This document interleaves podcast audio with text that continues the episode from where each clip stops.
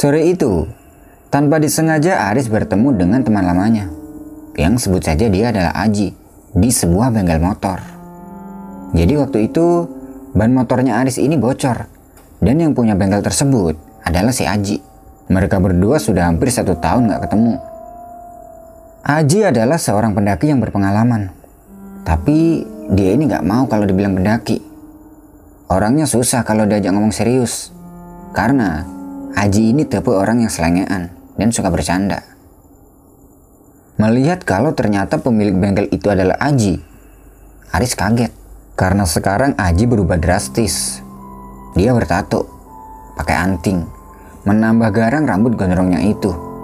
Yang gak berubah dari Aji adalah karakternya yang selengean dan suka bercanda. Di bengkel itu mereka ngobrolin tentang kisah pendakiannya masing-masing.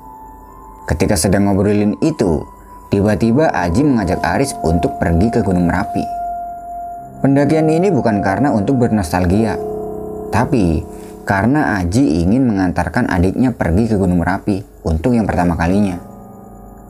Menurut Aris, alasan itu logis. Meskipun Aji ini tampangnya sangar, tapi yang namanya saudara pastilah dia punya khawatir. Apalagi saudaranya itu cewek. Aris mengiyakan kata-kata itu. Lagi pula, dia ini sedang nganggur karena korban PHK. Di sisi lain, Aji yang membayari semua. Beberapa hari kemudian, Aji menelpon Aris. Halo, dengan rumah sakit susah waras ada yang bisa dibantu. Oh iya, orang waras gimana persiapannya? Ya, namanya juga selengean. Pastilah nggak luput dari kata bercanda. Di dalam telepon, Aji menanyakan persiapan. Dan dia juga memberitahukan kalau teman adiknya ini ntar ada tiga orang dua cowok dan satu cewek. Jadi mereka semua antara ada enam orang. Sebut saja nama adiknya Aji ini adalah Tia. Di dalam telepon itu, Aji juga memberitahukan kalau semua alat sudah disiapkan. Jadi besok Aris tinggal datang aja ke rumah Aji buat packing. Emak yang setiap kali dia tinggal pergi mendaki, beliau selalu menceritakan legenda tentang gunung yang akan didaki. Semata karena anaknya yang cakep ini bisa berhati-hati dan menjaga diri. Setelah memasukkan semua peralatan dalam tas, Aji mencium tangan emak dan pamit. Kemudian dia gas ke rumah Aji. Sesampainya di rumah Aji, ternyata udah pada kumpul semua. Aji kemudian menyapa dan memperkenalkan Aris pada Tia. Woi men, sini, nih kenalin adikku Tia. Sambil Aji ini nunjuk ke arah adiknya. Lalu Tia bilang, Hai mas, aku Tia, Si Aris menjawab, Oh iya, aku Afgan. Iya, Afgan kalau dilihat dari Afghanistan. Saud si Aji. Jadi sekali lagi, mereka berdua ini tidak luput dari kata bercanda. Karena dengan cara itulah, Aris bisa akrab dengan yang lain. Setelah berkenalan dengan Tia, dia lanjut kenalan dengan teman-temannya Tia. Yang sebut saja mereka adalah Budi, Eko, dan satu lagi namanya disebutin sama Tia. Dia adalah Ella. Dengan membisik, Tia bilang kalau teman ceweknya satu ini, dia mempunyai kekurangan, yaitu di pendengaran. Jadi, dia ini gagu kalau bicara dan cuma ngerti apa yang dikatakan. Tapi, Tia juga menjelaskan kalau Ella menggunakan alat bantu dengar, tapi kalau berkomunikasi lebih ke bahasa isyarat. Persiapan alat dan semuanya sudah beres. Perkenalan dan briefing singkat pun sudah mereka lakukan. Ternyata, Ella dan Tia satu tempat kerja. Melihat pertemanan mereka, Aris ini salut. Karena mereka tidak membedakan kekurangan manusia. Bagi mereka semua sama dan berhak menikmati indahnya dunia. Sedangkan Budi dan Eko, mereka satu sekolah dengan Tia.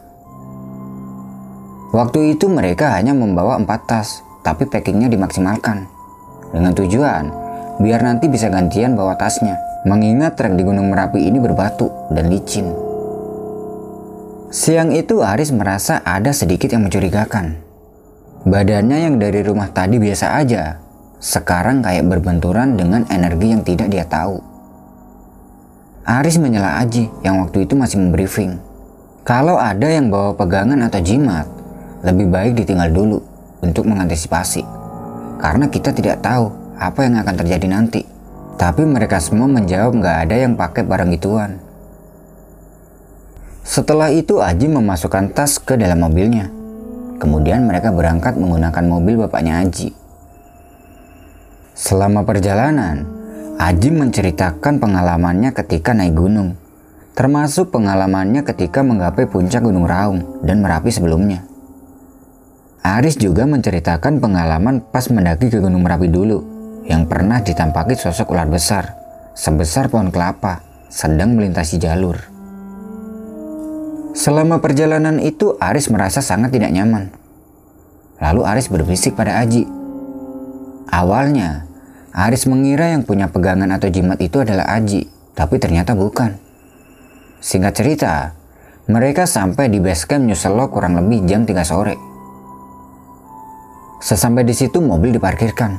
Kemudian mereka menuju ke warung untuk ngopi, sekalian menunggu Aji yang sedang mengurus regis. Kemudian mereka istirahat untuk melemaskan otot kaki akibat lamanya perjalanan tadi. Sambil istirahat, Aris memperhatikan cantiknya Gunung Merbabu. Kemudian dia disapa sama Ella dengan menepuk pundaknya dari belakang sambil mengatakan kalau Merbabu itu cantik, tapi dengan bahasanya Ella sendiri. Di situ Aji memutuskan untuk berangkat jam 4 sore dan Aris pun cuma menurut. Singkat cerita, setelah dirasa semua sudah siap, mereka mulai berjalan meninggalkan base camp. Perjalanan dipimpin oleh Aji sebagai leader, disusul oleh Budi, Eko, dan Ella. Sedangkan Aris ada di belakang sendiri, dia bersama Aji. Di perjalanan, mereka saling ngobrol, membahas soal pekerjaan dan lain-lain. Lalu dari depan, Budi menanyakan tentang mitos dan legenda Gunung Merapi. Lalu Aji menjawab sesuai yang dia tahu aja. Bila gunung yang mereka datangi disakralkan, bahkan benar-benar dijaga turun-temurun dari leluhur, dari cerita mitologi sampai mitos dan legenda yang menyelimutinya. Aji juga menceritakan dengan detail bahwa hewan dan tumbuhan yang ada di hutan ini dipercaya dijaga oleh abdi penguasa kerajaan Merapi. Dan kita sebagai tamu setidaknya menjaga etika dan sikap ketika berniat mendaki. Di situ Budi bertanya banyak. Aris mikirnya, mungkin Budi ini antara percaya dan tidak mendengarkan apa yang dikatakan Aji. Karena cukup banyak ngobrol, tidak terasa mereka sampai di pintu rimba. Jalur yang bisa dibilang aduhai ini membuat keringat mengucur deras Sesekali mereka break untuk mengambil nafas dan minum. Ella yang selalu berdekatan dengan Tia terlihat begitu menikmati perjalanan ini. Sesekali dia mengeluarkan HP untuk memoto tumbuhan dan lumut yang menempel pada batu. Aji yang waktu itu menggendong tas paling berat, dia terduduk, bersandar di sebelah pohon, tepat di sebelahnya Aris. Sambil duduk itu dia meminta rokok sama Aris. Sama Aris diberi sebungkus rokok, tapi Aji nggak mau. Aji pengennya joinan aja. Setelah cukup break, perjalanan kembali dilanjutkan. Sesekali, Aris menawari Aji untuk gantian menggendong tasnya yang berat itu. Tapi katanya Aji masih strong. Sekarang, di posisi paling depan adalah Eko, disusul oleh Tia dan Ella. Sedangkan Aris, dia di posisi belakang, di depannya Aji. Tidak lama kemudian, Sampailah mereka di pos 1. Karena tadi mereka ini udah rehat, di pos 1 itu mereka memutuskan untuk tidak berhenti. Perjalanan terus dilanjutkan. Sambil berjalan itu, Aris memperhatikan Ella dan membayangkan bagaimana rasanya menjadi Ella. Pasti sangat menyedihkan. Aris yang waktu itu ada di belakang Ella, dia bertanya, Pak, gimana kakimu? Baik, Gak sakit atau gimana kan? Kalau ada apa-apa beritahu kita ya, jangan dipaksa. Dengan jempol dia mengangguk. Tia yang sering berbicara dengan Ella dengan menggunakan bahasa isyarat, sesekali dia tertawa. Melihat itu Aris kepo dan dia bertanya. Kata Ella, Aji kalau berjalan kayak orang kebelet pipis, kakinya gemeteran. Mendengar itu, mereka semua berhenti sebentar untuk ketawa. Meskipun waktu itu perjalanan cukup melelahkan, tapi mereka mengusirnya dengan canda dan tawa. Perjalanan terus berlanjut. Belum sampai di pos 2, hari sudah gelap. Lalu, dari belakang Aji meminta pada mereka semua untuk berhenti sebentar, sekalian nunggu waktu maghrib. 15 menit kemudian, sampailah mereka di pos 2. Sesampai di situ mereka istirahat untuk makan dan ibadah. Peralatan masak mereka keluarkan semuanya untuk menyeduh kopi dan masak makanan. Nah, ketika sedang menyorot keadaan sekitar, Haji ini kaget. Dia berucap, Astagfirullah, pocong. Mendengar ucapan Aji, mereka semua langsung menyorot ke arah yang dimaksud Aji. Ternyata itu bukan pocong. Itu adalah Ella yang sedang sholat. Dia mengenakan mukena. Awalnya mereka semua ini serba panik. Tapi sekarang mereka jadi bercanda, mengejek si Aji yang ternyata penakut. Ella yang selesai sholat, dia langsung merapat lagi. Mereka duduk mengitari kompor yang menyala.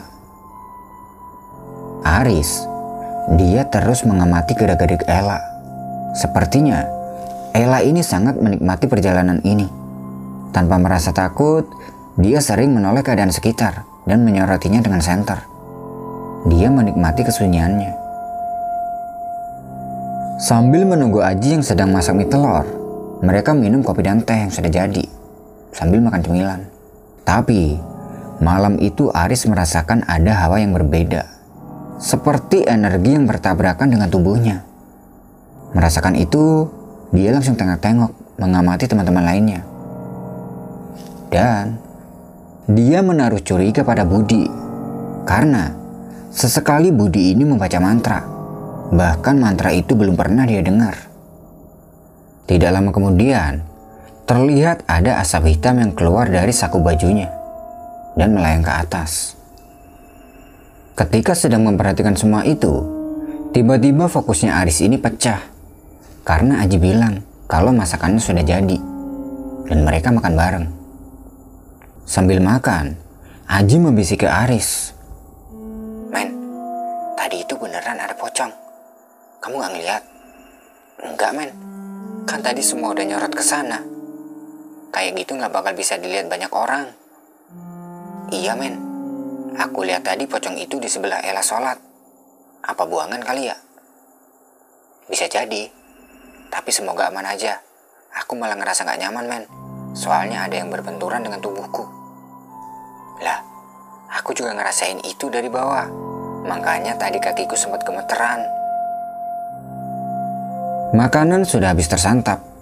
Setelah selesai, mereka mengemasi peralatannya, kemudian dilanjut merokok. Haji sebagai leader, dia memberi penjelasan tentang trek yang akan dilalui nanti dan tujuan camp adalah Pasar Bubra. Perkiraan waktunya kurang lebih tiga jam. Sambil memberitahu itu, dia nyentil lagi soal pegangan atau jimat. Mending dibuang aja, mengingat Pasar Bubra adalah pasar setannya Gunung Merapi. Tapi, dari briefing itu mereka semua menjawab kalau nggak ada yang punya pegangan atau jimat. Setelah lima menit briefing, Perjalanan kembali dilanjutkan. Sekarang Aris yang membawa tas berat yang tadinya dibawa Aji. Posisinya, sekarang Aji di paling depan untuk memimpin perjalanan, disusul oleh Eko dan Aris di paling belakang. Dua sampai tiga belokan tidak ada gangguan. Hanya saja, Aris ini berjalan sedikit pelan untuk menjauh dari rombongannya, untuk merasakan energi apa yang sedang berbenturan itu. Dan energi itu terasa semakin kencang. Tapi itu bukan dari rombongan, tapi dari hutan yang mereka lewati. Jadi bisa dipastikan, salah satu dari mereka ada yang bohong.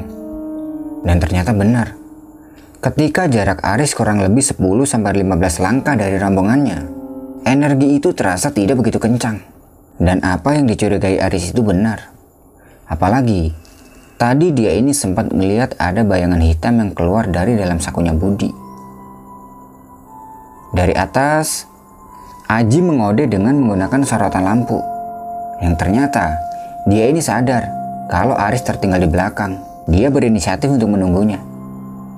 Ketika sudah merapat itu, Ella sempat bertanya tentang keadaan Aris. Tapi Aris menjawabnya nggak ada apa-apa. Aris pun mendahului mereka semua dan meminta Aji untuk bertukar posisi. Dan sekarang, Aris di paling depan dan Aji di paling belakang.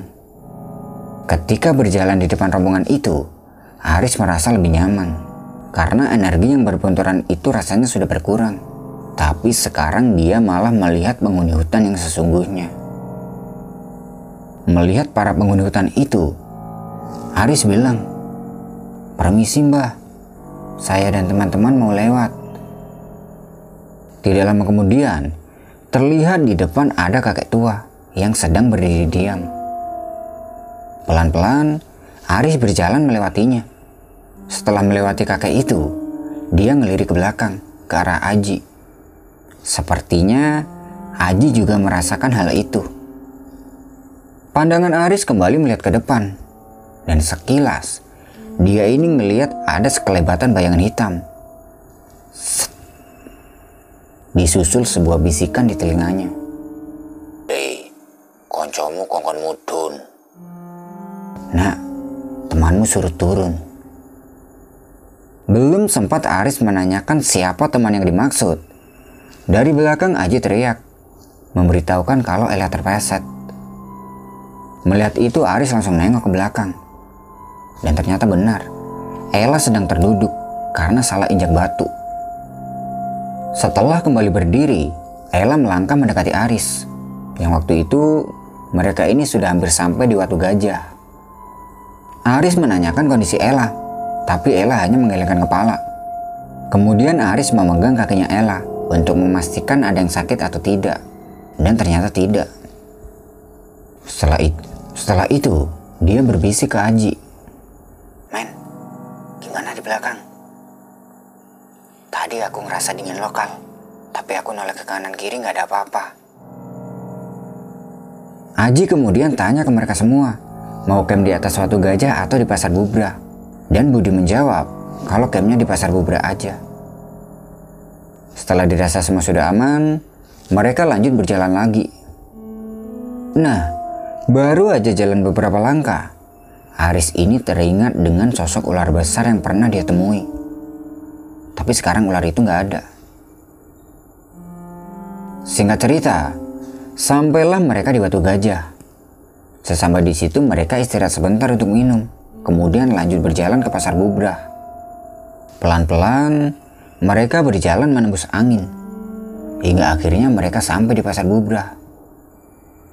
Sesampai di pasar Bubrah itu terlihat tidak ada tenda pendaki lain sama sekali. Sesampai di situ Aris keliling untuk mencari tempat yang bisa digunakan untuk ngecamp. Setelah dapat, Aji membongkar tasnya dan mendirikan dua tenda. Saat Aji mendirikan tenda, dia meminta Tia untuk memasak air. Tidak lama kemudian, dua tenda dilapisi flyset sudah siap. Satu persatu dari mereka pun masuk ke dalam tenda untuk ganti baju. Di dalam tenda, Aji menunjukkan tato barunya sama Aris. Nah, ketika ganti baju itu, Aris ini melihat Budi sedang memakai kalung yang dibuntal kain hitam. Melihat itu dia nanya, Mas, itu apa? Budi jawab, Oh, ini pemberian kakekku mas. Sejak kecil aku pakai ini. Aris permisi untuk memegang benda itu.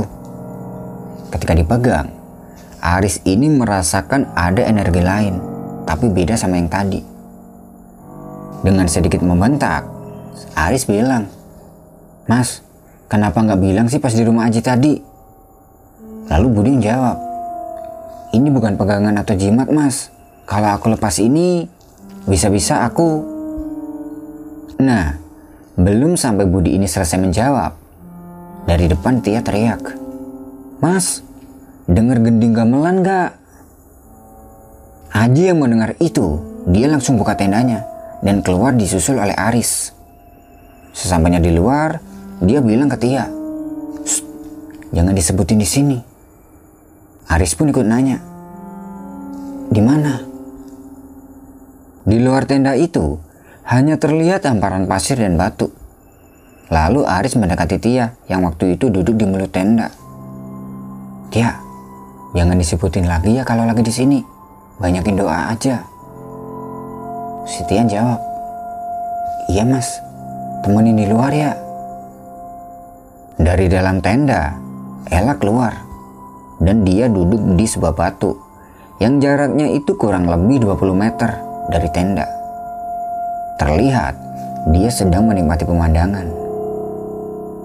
Setelah Aji dan Eko sudah duduk di samping Tia, Aris mendekati Ella dan duduk di sampingnya. Di sini Aris tanya sama Ella. Ella, ngapain? Dia menjawab dengan menulis di buku yang selalu dia bawa. Katanya, aku sedang menikmati pemandangan. Tadi aku melihat ada kakek berbaju hitam. Membaca tulisan itu Aris kaget. Terus dia nanya lagi, kamu juga melihatnya? Dia nulis lagi, yang katanya iya. Dari rumah sebenarnya dia ini udah gelisah, karena dia juga merasakan tapi Ella sendiri nggak tahu siapa yang membuatnya nggak nyaman itu. Ella juga bilang kalau dia juga mendengar suara gending yang dikata Tia tadi. Dan di sana ada banyak orang. Ella memperhatikan sudut kiri kanannya. Dan ketika Aris menyorotinya dengan center, tiba-tiba Ella menepis tangannya. Di sini Aris paham dengan maksud Ella. Samar-samar, dari kejauhan Aris melihat ada banyak aktivitas orang tapi itu bukan mendaki, melainkan aktivitas keramaian dan banyak orang yang lalu lalang. Melihat itu, Aris nanya lagi ke Ella. Ella mengangguk. Kemudian dia menulis lagi, menceritakannya kepada Aris. Di tulisan Ella itu tertulis gini.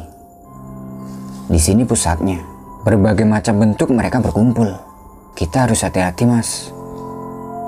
Dengan menyodorkan bukunya itu, dia menatap Aris dengan tajam, seolah dia memberitahu agar lebih waspada. Malam itu, cuma mereka yang ngecamp di pasar Bubrah. Lalu, dari tenda Aji teriak, memberitahukan kalau masakan sudah matang. Aris dan Ella pun kemudian gabung sama mereka untuk makan. Ketika sedang makan, suara gamelan itu terdengar lagi.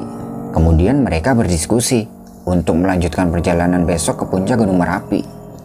Di saat yang bersamaan, Eko pamit keluar tenda dengan alasan dia pengen melemaskan otot kakinya. Dan Budi, dia yang duduk di sebelah Aris bilang, Mas, coba lihat, itu Eko ngapain duduk di sebelah batu besar? Mereka kemudian melihat keluar, dan ternyata Eko sedang melakukan ritual. Aris dan Aji segera mendekati Eko. Tapi, baru saja dua langkah mereka berjalan, tiba-tiba tubuh Eko ini terpental ke belakang. Melihat itu, Aris dan Aji segera menghampiri tubuh Eko yang sudah terlentang. Kok? Bangun kok? Ucap si Aji. Sesekali, Aji menempuk pipinya Eko, tapi Eko tidak juga sadar. Kemudian, mereka mengangkat Eko untuk kembali ke dalam tenda. Di dalam tenda, Ella memegang kepalanya Eko. Setelah dipegang, akhirnya Eko sadar dan dia lemas. Setelah itu Ella memberinya air hangat. Eko bisa duduk, tapi dia ini nggak mau bicara. Dari belakang, Ella menepuk punggungnya Eko. Setelah beberapa tepukan, tiba-tiba Eko ini merasa kesakitan dan dia menangis. Melihat itu Aji tanya ke Eko. Kamu ngapain kok? Si Eko menjawab. Tadi aku mau anu mas, tapi malah ditolak dan aku diserang. Si Aris nyaut. Kenapa? Ilmumu kalah. Eko hanya mengangguk. Kemudian Aris meminta pada Eko agar menetralkan tubuhnya. Dia semua dilebur oleh Gunung Merapi. Kemudian Aris bertanya pada Ella apa dia bisa membantu Eko menetralkan tubuhnya? Ella menganggukkan kepalanya, menandakan kalau dia ini bisa. Mereka semua duduk melingkari Eko. Dan Ella yang ada di belakang, dia seperti orang merapal. Sedangkan Eko sedang berkemat kamit. Ketika punggung Eko diusap Ella, tiba-tiba angin berembus sangat kencang di luar tenda. Hingga satu tali flysheet terlepas. Setelah itu Eko lemas Sepertinya Ella sudah selesai membersihkan apa yang ada di dalam tubuh Eko. Selagi Eko beristirahat, Budi berinisiatif untuk memasang tali flashlight yang lepas tadi. Dan dari luar, terdengar suara Budi. Monggo mas, ngopi dulu sini. Mendengar itu Aji langsung nongolin kepalanya keluar dan dia bertanya. Siapa Bud? Oh, tadi ada pendaki lain lewat mas. Jawab Budi sambil dia ini nunjuk ke arah pendaki yang lewat itu. Tapi, di situ Aji tidak melihat ada satu pendaki pun. Aji pun kembali masuk ke dalam tenda dan dia memberitakan itu kepada Aris. Sebenarnya, dari awal Aris ini sudah mengira kalau yang disapa Budi itu mungkin bukan manusia. Setelah menali flyset, Budi masuk lagi ke dalam tenda dengan muka yang biasa-biasa aja. Dia nggak tahu kalau yang disapa itu bukan manusia. Malam itu terasa sangat panjang, seolah jarum jam ini nggak berputar.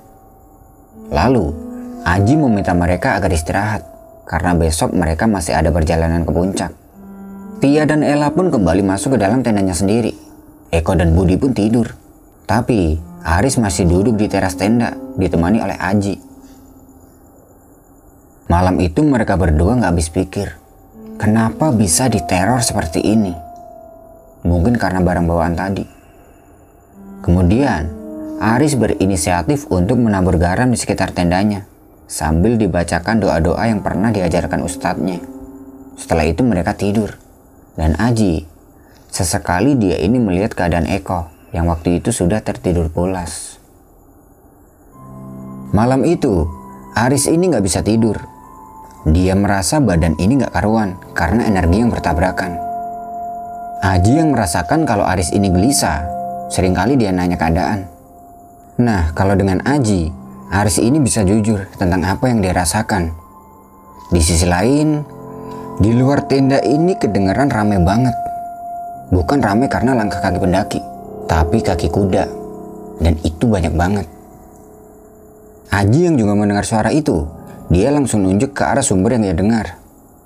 Karena penasaran, Aris ini ngebuka pintu tenda untuk melihat keluar tenda. Tapi, di luar tenda ini kok nggak ada apa-apa. Aji yang ikut penasaran, dia juga ikut melihat keluar. Di luar tenda itu cuma terlihat hamparan pasir yang sangat luas. dari kejauhan, terlihat sorot lampu pendaki lain yang baru saja sampai di pasar bubrah. Mendengar kalau mereka ini keluar tenda, dari tenda sebelah, Tia keluar dan menghampiri Aris dan Aji. Melihat Tia yang keluar tenda itu, mereka berdua menutup mulutnya dengan satu jari, memberi kode agar Tia ini diam. Karena di luar ini emang gak ada apa-apa, mereka semua kembali masuk ke dalam tenda untuk tidur. Dan belum sampai Aris ini masuk ke dalam sleeping bag, tiba-tiba terdengar suara geraman dari dalam tenda itu. Mendengar itu, Aji langsung duduk dari tidurnya dan dia menyalakan lampu tenda. Setelah dinyalakan, ternyata suara geraman itu adalah Eko. Kedua matanya melotot Kedua tangannya ini mencengkram erat, dan dia duduk. Budi yang tidur di sebelah Eko pun bangun, kemudian dia lari keluar karena takut. Kemudian, Aji memegangi tangan dan tungkuk Eko untuk jaga-jaga kalau Eko ini berontak. Sementara Aris, dia coba meminta agar sosok yang ada di dalam tubuh Eko itu pergi. Masih dalam keadaan memegang tangan Eko, dari tenda sebelah, Ella datang buat membantu. Kemudian Aris meminta Aji untuk membacakan ayat kursi di dekat telinganya Eko. Tapi, doa yang dibaca Aji itu malah salah. Lalu Aris meminta Ella untuk membacakan itu di telinganya Eko. Di saat yang bersamaan, Eko coba berinteraksi dengan dia. Salah apa anak ini sampai kamu rasuki? Hmm, aku tidak merasuki. Aku ada di dalam tubuh anak ini. Dia tuanku. Terus, kenapa kamu memberontak pada anak ini? Di sini bukan tempatku. Panas. Panas. Terdengar teriakan hewan berupa harimau putih. Ketika Aris buka mata, ternyata Ella yang tadinya membaca doa itu lemas. Tapi Aris masih yakin kalau harimau putih itu masih bersemayam di dalam tubuhnya Eko. Setelah sadar, tubuhnya Eko ini lemas dan dia merasa kesakitan. Aji yang berada di dekat Eko, dia langsung memberinya air minum. Kemudian Eko ditidurin lagi. Dan mereka semua kemudian duduk melingkari Eko. Nah, Aris yang belum dapat jawaban dari makhluk itu, dia ini semakin penasaran. Sebenarnya apa yang Eko lakukan sampai makhluk itu bersemayam di dalam tubuhnya? Sebenarnya Aris pengen nanyain itu lagi. Tapi kalau ditanyakan sekarang, dia takut menjatuhkan nama Eko di depan teman-temannya. Maka dia simpan dulu pertanyaan itu, buat ditanyain nanti secara pribadi. Merasa kalau kondisi Eko ini sudah membaik, Ella dan Tia kembali ke tendanya sendiri. Sedangkan Budi, dia langsung tidur di sebelah Eko tanpa ada rasa takut lagi. Sedangkan Aris dan Aji masih duduk di dalam tenda dengan kondisi terbuka. Di situ mereka berdua ngomongin soal keadaan Eko. Lalu, Aji mempunyai inisiatif untuk tidurnya ini bergantian. Ya untuk jaga-jaga, takutnya Eko berontak lagi. Malam itu badannya Aris mulai merasa lemah setelah menghadapi makhluk yang ada di dalam tubuh Eko tadi. Kalau nggak dipakai istirahat, bisa-bisa Eko ini drop dan menyusahkan teman lainnya. Maka dari itu dia minta ke Aji agar tidurnya belakangan. Kemudian si Aris ini masuk ke dalam sleeping bag untuk tidur. Tapi, baru aja Aris ini tidur. Sosok kakek tua yang dia temui di jalan itu tiba-tiba melambaikan tangan dari luar tenda. Melihat itu Aris langsung melangkah menuju ke kakek itu. Dan terlihat di sebelah Budi ini ada seekor harimau putih yang sedang tidur. Dia melangkah tanpa memakai sepatu dan jaket. Tapi dia ini gak ngerasa dingin sama sekali. Sesampainya di kakek itu, dengan refleks Aris langsung mencium tangannya. Dan kakek itu bilang, Ger, mau aku lawis kondo, koncomu kon mudun. Lah pripun to, Mbah? Enten opo? Ngene lho, Ger. Ning kene sing tugas angon kuwi nyai. Lah kewan sing melu kae kaya angonane nyai. Sak kabeh isi kewan ning kene, nyai sing kuwasa njogo karo angon. Kae mau kancamu wis dadi kewan. Kewan sing ditandur ning awake dienggo kepentinge dhewe. Kewan kae mau ya padha karo kewan sing ning kene. Lah mula dekne bali ning kasunyatan. Anu, Mbah. Kula mboten ngertos. Wis wis, kae mau wis anteng. Nyai mau wis ngubengi panggonmu. Wis dudu angonane. Kae sawangan kabeh. Ning kene wis enek panggonane dhewe-dhewe. Kae dhuwur sawangan. Kene wis enek bagiane dhewe. Tulung jaganen lan rumatno. Kabeh sing urip, kabeh sing ketok lan ora, kuwi wis enek sing duwe. Aku karo Salio amung dikon Joko nganti besok. Wis, balio ning awakmu. Kakek itu kemudian mendorong Aris tuh ke belakang, sampai tubuhnya Aris ini terbang.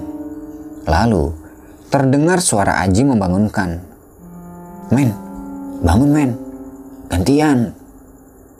Aris pun bangun, dan bangun-bangun itu dia langsung istighfar. Siapa kakek tadi? Sekarang ganti Aris yang bangun dan Aji yang tidur. Terlihat waktu sudah menunjukkan jam 4 pagi. Kemudian Aris duduk di pintu tenda sambil dia ini memikirkan kejadian tadi. Tadi itu ternyata mimpi, tapi rasanya ini sangat nyata. Sesekali dia melihat Eko yang masih tidur. Dan tadi, Eko ini bukan Eko, tapi seekor harimau putih. Di sini Aris nggak mau ambil pusing lagi dia nyalain sebatang rokok. Kemudian dia membuat kopi di depan tenda. Tidak lama kemudian, terlihat Ella keluar dari tenda. Dan dia bertanya kepada Aris dengan menggunakan kode. Kenapa Aris ini belum tidur? Aris pun memberitahunya kalau dia ini tidurnya gantian sama Aji buat jagain si Eko. Kemudian Aris balik tanya, kenapa dia juga nggak tidur? Katanya, dia udah habis tidur dan sekarang udah bangun dan nggak bisa tidur lagi. Aris membuatkan Ella kopi panas. Kemudian mereka berdua ngobrol di depan tenda dengan menggunakan bahasa isyarat. Ya, walau terkadang Aris suka salah mengartikan maksud Ella. Singkat cerita, setelah sholat subuh Ella membangunkan Tia untuk mengajaknya menikmati pemandangan pasar bubrah. Dan Aris, dia berniat untuk melarang Eko pergi ke puncak nanti. Bukan karena kejadian semalam. Ya buat jaga-jaga aja, takutnya Eko ntar kenapa-napa lagi di atas. Pagi itu, Aris berniat membangunkan Aji. Tapi melihat Aji dan dua teman lainnya ini masih tertidur pulas, akhirnya nggak jadi. Dan dia berjalan menghampiri Ella yang waktu itu duduk di batu besar, sambil dia ini senam kecil untuk mengusir hawa dingin. Pagi itu terlihat sangat indah dengan pemandangan matahari yang baru muncul, ditambah gagahnya gunung merbabu di sebelahnya. Di batu itu Aris bercanda tawa sama Ella. Hingga tidak terasa, suara mereka ini membangunkan Aji, Budi, dan Eko. Melihat mereka bangun, Aris langsung menghampirinya untuk mengambil rokok, sekalian nyeduh kopi. Melihat pagi itu Eko udah bangun, Aris nanya, Udah enakan kok? Udah mas, tapi masih lemes aku. Kayak nanti aku nggak ikut ke puncak ya. Ya udah kamu tidur aja di tenda, nanti sama aku. Iya mas, makasih lo ya. Pagi itu, ketika mereka semua sudah bangun, mereka langsung masak dan makan. Dilanjut Aji mengantar anak-anak ke puncak. Di tenda, Aris coba tanya ke Eko tentang kejadian semalam. Tapi Eko tidak menjawab sesuai apa yang Aris tahu. Hingga akhirnya, Aris ini nanya, apakah dia pakai susuk dan lain sebagainya. Dan akhirnya, Eko menjawab jujur. Dia memang pakai susuk di tangan dan kakinya untuk menjaga dirinya. Dan semalam, dia ini melakukan ritual untuk susuknya itu, untuk keamanan dirinya sendiri. Pantesan aja, semalam Eko ini menggeram kayak macan.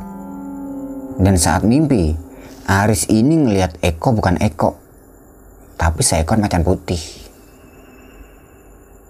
Dari obrolan itu Aris memberi saran pada Eko, kalau pengen kuat fisik, lebih baik latihan pernafasan. Karena kekuatan inti manusia itu ada di pernafasan. Dan kalau untuk menjaga diri, lebih baik berlatih silat dan olahraga bela diri lainnya, bukan pasang susuk. Karena susuk itu sama aja menggadaikan tubuh kita sama setan. Jadi yang mengendalikan diri kita itu bukan kita, tapi setan. Untung saja, waktu itu teman-teman lain bisa menjaga Eko. Kalau tidak, bisa-bisa Eko nggak pulang. Mendengar penjelasan itu, Eko minta maaf sama Aris. Dia ngerasa nggak enak sama teman-teman lainnya.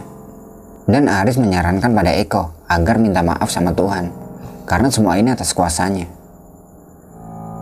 Setelah cukup ngobrol itu, lama-kelamaan mereka ini ngantuk. Kemudian mereka memutuskan untuk tidur sambil menunggu Aji dan yang lain turun dari puncak. Singkat cerita, mereka dibangunkan Aji yang selesai dari puncak. Dan waktu itu sudah menunjukkan jam 10 siang. Setelah bangun, Aris langsung keluar dari tenda. Di luar, kondisinya cukup berkabut. Melihat kabut yang cukup tebal itu, Aji memberi saran untuk bertahan dulu di sini sampai kabutnya hilang, baru kemudian balik turun. Di sisi lain, logistik juga masih cukup banyak. Sambil menunggu kabut hilang itu mereka bercanda dan di antaranya ada yang tidur. Tidak terasa, waktu sudah menunjukkan jam 2 siang dan kabut pun sudah mulai berkurang. Melihat itu Aji pun membangunkan anak-anak yang tidur untuk mengajaknya packing dan turun. Setelah semua selesai packing, mereka pun mulai berjalan turun. Di perjalanan turun itu posisi mereka berubah, tapi leadernya tetap sama. Budi di paling depan, disusul Ella, Eko, Tia, Aris, dan Aji paling belakang. Di perjalanan turun itu, Aris nyempetin tanya Ella ke Tia. Dari cerita Tia, Ella itu sebenarnya kasihan. Banyak teman seumuran yang membulinya. Bahkan, yang mau berteman dengan dia bisa dihitung dengan jari. Ya karena mungkin Ella tunarungu. Masih berlanjut ke cerita Tia. Ella adalah sosok orang yang kuat dan tabah. Dia tidak pernah menghiraukan orang-orang yang membulinya. Bahkan, sering kali dia ini dikatain kasar sama orang. Budek lah, tuli lah. Tapi, Ella menerima semua itu dengan ikhlas. Karena keluarganya sudah memperkokoh Ella dengan agama. Nah, dari sini Aris tahu kalau sosok Ella ini selalu menikmati dunianya sendiri. Karena keasikan ngobrol, Tidak terasa mereka ini sampai di pos 2. Sampai di situ mereka rehat untuk beribadah. Dan sesekali mereka ini nanyain keadaan Eko yang waktu itu terlihat sangat lelah. Tapi Eko bilang kalau dia masih kuat. 30 menit kemudian mereka lanjut jalan lagi. Tas berat yang kemarin pas naik di bawah Aji, sekarang di bawah Aris, tapi nggak seberat kemarin pas naik. Singkat cerita, jam setengah enam sore mereka sampai di bawah pos 1. Terdengar suara azan maghrib yang mengharuskan mereka break untuk istirahat, sekalian makan logistik yang tersisa. Ketika sedang break itu, Aji pamit ke semak-semak untuk buang air besar. Nah, ketika sedang buang air besar itu, Aji ini melihat ada sepasang kaki yang gede banget. Kalau bisa dikira-kira, ukuran kaki itu sebesar pohon jati, tapi nggak kelihatan kepalanya. Mungkin karena saking tingginya. Tapi sosok itu tidak mengganggu. Setelah selesai BAB, Aji langsung keluar dari semak dan dia segera mengajak yang lain untuk cepat turun dengan alasan agar tidak kemalaman. Tanpa ada gangguan lagi, akhirnya mereka sampai di base camp kurang lebih jam 7 malam. Sesampai di situ Aji melaporkan kedatangan mereka. Setelah itu mereka masuk ke mobil untuk pulang. Kali ini mobil dikemudikan Budi. Sebelum sampai di rumah Aji, mereka berinisiatif untuk mengantarkan Eko ke rumahnya. Dan satu pesan Aris kepada Eko, agar Eko ini ngelepas susuknya karena dia belum bisa menguasai yang bersemayam di tubuhnya itu. Singkat cerita, sampailah mereka di rumah Aji tepat jam 9 malam. Dan syukurlah, perjalanan waktu itu menjadi pengalaman yang sangat berharga bagi mereka semua.